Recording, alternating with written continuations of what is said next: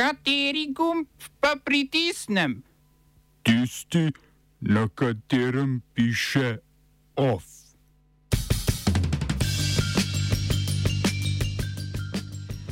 Bolgarska in izraelska vlada po novem manjšinski. Kuba kaznovala protestnike na lanskih množičnih protestih. Britansko sodišče odobrilo prve deportacije beguncev v Ruando. Del zakona o mednarodni zaščiti po oceni zagovornika načela enakosti diskriminatoren. V kulturnih novicah dopisništvo na kriznih žariščih z BBC in CNN.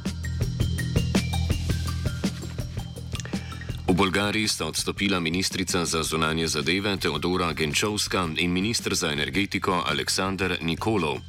Odstopa sledita odločitvi njune stranke Obstaja takšen narod, da izstopi iz koalicije pod vodstvom predsednika vlade Kirila Petkova. Kot razlog so navedli nestrinjanje s politikom Bolgarije do Severne Makedonije in pa nesoglasja pri razdelitvi proračunskih sredstev. Moti jih predvsem vladni načrt za umik veta Severni Makedoniji za začetek, na začetek pristopnih pogajanj v Evropsko unijo. Vladi pa očitajo tudi, da z netrans, netransparentno porabo proračunskih sredstev državo potiska v bankrot. Neuradno naj bi sicer šlo za nezadovoljstvo z izpogajanimi sredstvi za strankarske resorje. Že prejšnji teden teden sta iz istega razloga odstopila ministr za šport ter ministr za regionalni razvoj. Petkova vlada tako pol leta po svojem nastanku postaja manjšinska. Oblikovana je bila po tretjih predčasnih volitvah v enem letu. Premijer napoveduje, da bo poskušal nadaljevati z vladanjem in vladi zagotoviti manjkajoče glasove v opozicijskih vrstah. Če mu to ne bi uspelo, bi Bolgari lahko jeseni ponovno odšli na volišča.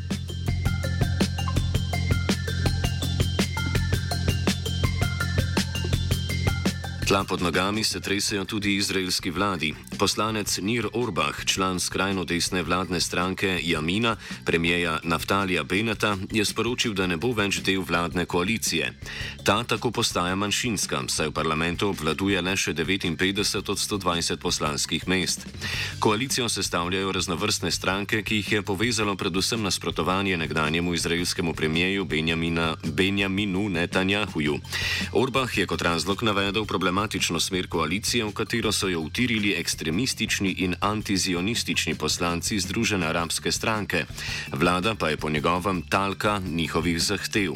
Zatrdil je sicer, da se ne bo zauzemal za pete predčasne volitve v treh letih, temveč za oblikovanje nove koalicije. Vodenje trenutne vlade bo avgusta naslednje leto, če bo do takrat sploh preživela, v skladu z dogovorom prevzel Jair Lapid.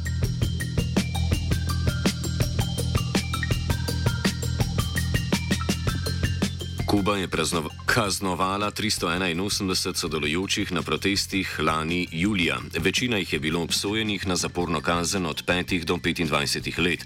Med kaznovanimi je tudi 16 mladoletnikov. V izjavi za javnost je generalni državni tožilec povedal, da so protestniki rušili ustavni red in stabilnost države. Šlo je za največje proteste v državi po revoluciji leta 1959. Več tisoč ljudi je na ulicah po celotni državi protestiralo proti pomankanju hrane, zdravil ter električne energije. Kubanska vlada je za financiranje protestov prst uperila v Združene države Amerike.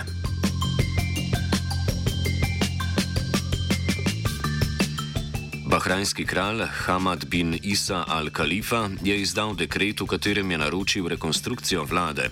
Vladni govorec je sporočil, da gre za največjo vladno rekonstrukcijo do sedaj, ki vključuje menjavo na 17 od 21 ministerskih položajev. Med spremembami je zaradi vloge izvoza nafte v bahrajnskem gospodarstvu posebej izpostavljena zamenjava ministra za nafto in podnebje. Šejka Mohameda bin Khalifa bo nadomestil Mohamed bin Mubarak. Dosedanji minister za nafto pa se seli v resor infrastrukture. Zasedel bo tudi mesto podpredsednika vlade.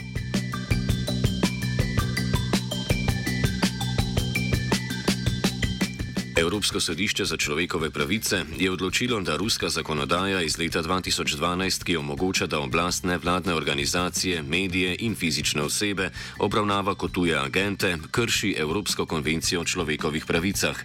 Sodišče je v primeru tožb 73 različnih skupin, ki so bile v Rusiji označene za tuje agente, ugotovilo, da zakon krši njihovo svobodo izražanja, svobodo zbiranja in združevanja in jih diskriminira na podlagi političnih stališč. Sodišče je Ruski federaciji, ki je trenutno polno zaposlena z drugimi aktivnostmi, določilo plačilo odškodnine v skupni vrednosti milijon evrov ter stroškov vrednosti dobrih 100 tisoč evrov. Rusiji sicer po izstopu iz sveta Evrope marca letos prenehal status pogodbenice konvencije. Po izteku polletnega roka njeni državljani na sodišče ne bodo več mogli vlagati tožb. Britansko sodišče je dovolilo prva premeščanja beguncev v Ruando. Zavrnilo je še zadnje pritožbe civilno-družbenih organizacij za človekove pravice, ki so želele preprečiti te deportacije. Po mnenju sodišča je tveganje za begunce v Ruandi, citiram, majhno in naravni špekulaciji. Sprva naj bi se prvemu letu v Ruando izognilo prvemu letu v Ruando izognilo 37 posameznikov, številka pa se je po besedah dobrodelne organizacije Care for Calais znižala na 8. Še trije čakajo na odločitev Vrhovnega sodišča. V Ruandi bodo prosilci za azil čakali na odločitev Združenega kraljestva glede njihovih prošen. Deportacije bodo potekale v skladu z dva meseca starim dogovorom med Združenim kraljestvom in Ruando, po katerem bo slednja za sprejem beguncev prejela 140 milijonov evrov. Med deportiranimi bodo Sirci in Iračani.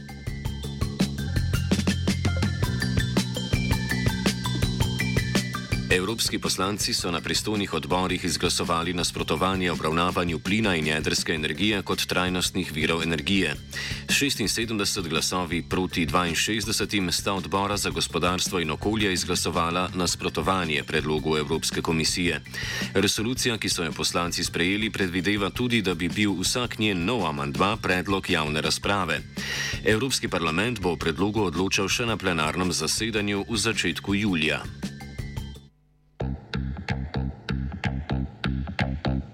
Smo se osamosvojili, nismo se pa osvobodili. Naslednje število je še 500 projektov. Izpiljene modele, kako so se strani nekdanje LDS rotirali. Ko to dvoje zmešamo v pravilno zmes, dobimo zgodbo o uspehu. Takemu političnemu razvoju se reče udar. Jaz to vem, da je nezakonito, ampak kaj nam pa ostane? Brutalni obračun s politično korupcijo.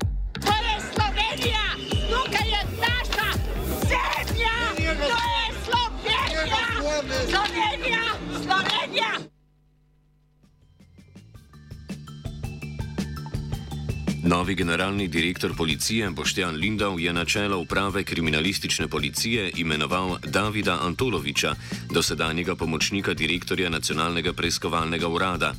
Na tem mestu bo zamenjal Vojka Urbasa, ki se bo ponovem ukvarjal z izobraževanjem in zaposlovanjem v policiji. Gre za ponavljanje vzorcev premeščanja prejšnje vlade, ki je v Tacen v prejšnjem mandatu premestila Antoloviča.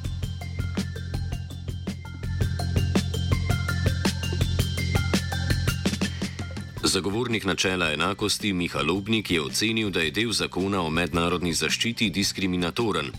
Ocena se nanaša na del, ki ureja področje svetovalcev za begunce. Ta omogoča razrešitev svetovalcev v primerih, ko bi se izkazalo, da pristojnim niso posredovali podatkov o pravi identiteti prosilca, če z njimi razpolagajo. Prosilci za azil, ki si lahko privoščijo odvetnika, so tako na boljšem od tistih, ki jih zastopa svetovalec, saj odvetnike zavezuje dožnost varovanja poklicne tajnosti in podatkov o identiteti, niso dolžni razkriti. Zagovornik je ministrstvu za notranje zadeve tudi predlagal spremembo zakonodaje, ki bi odpravila diskriminatorno ureditev.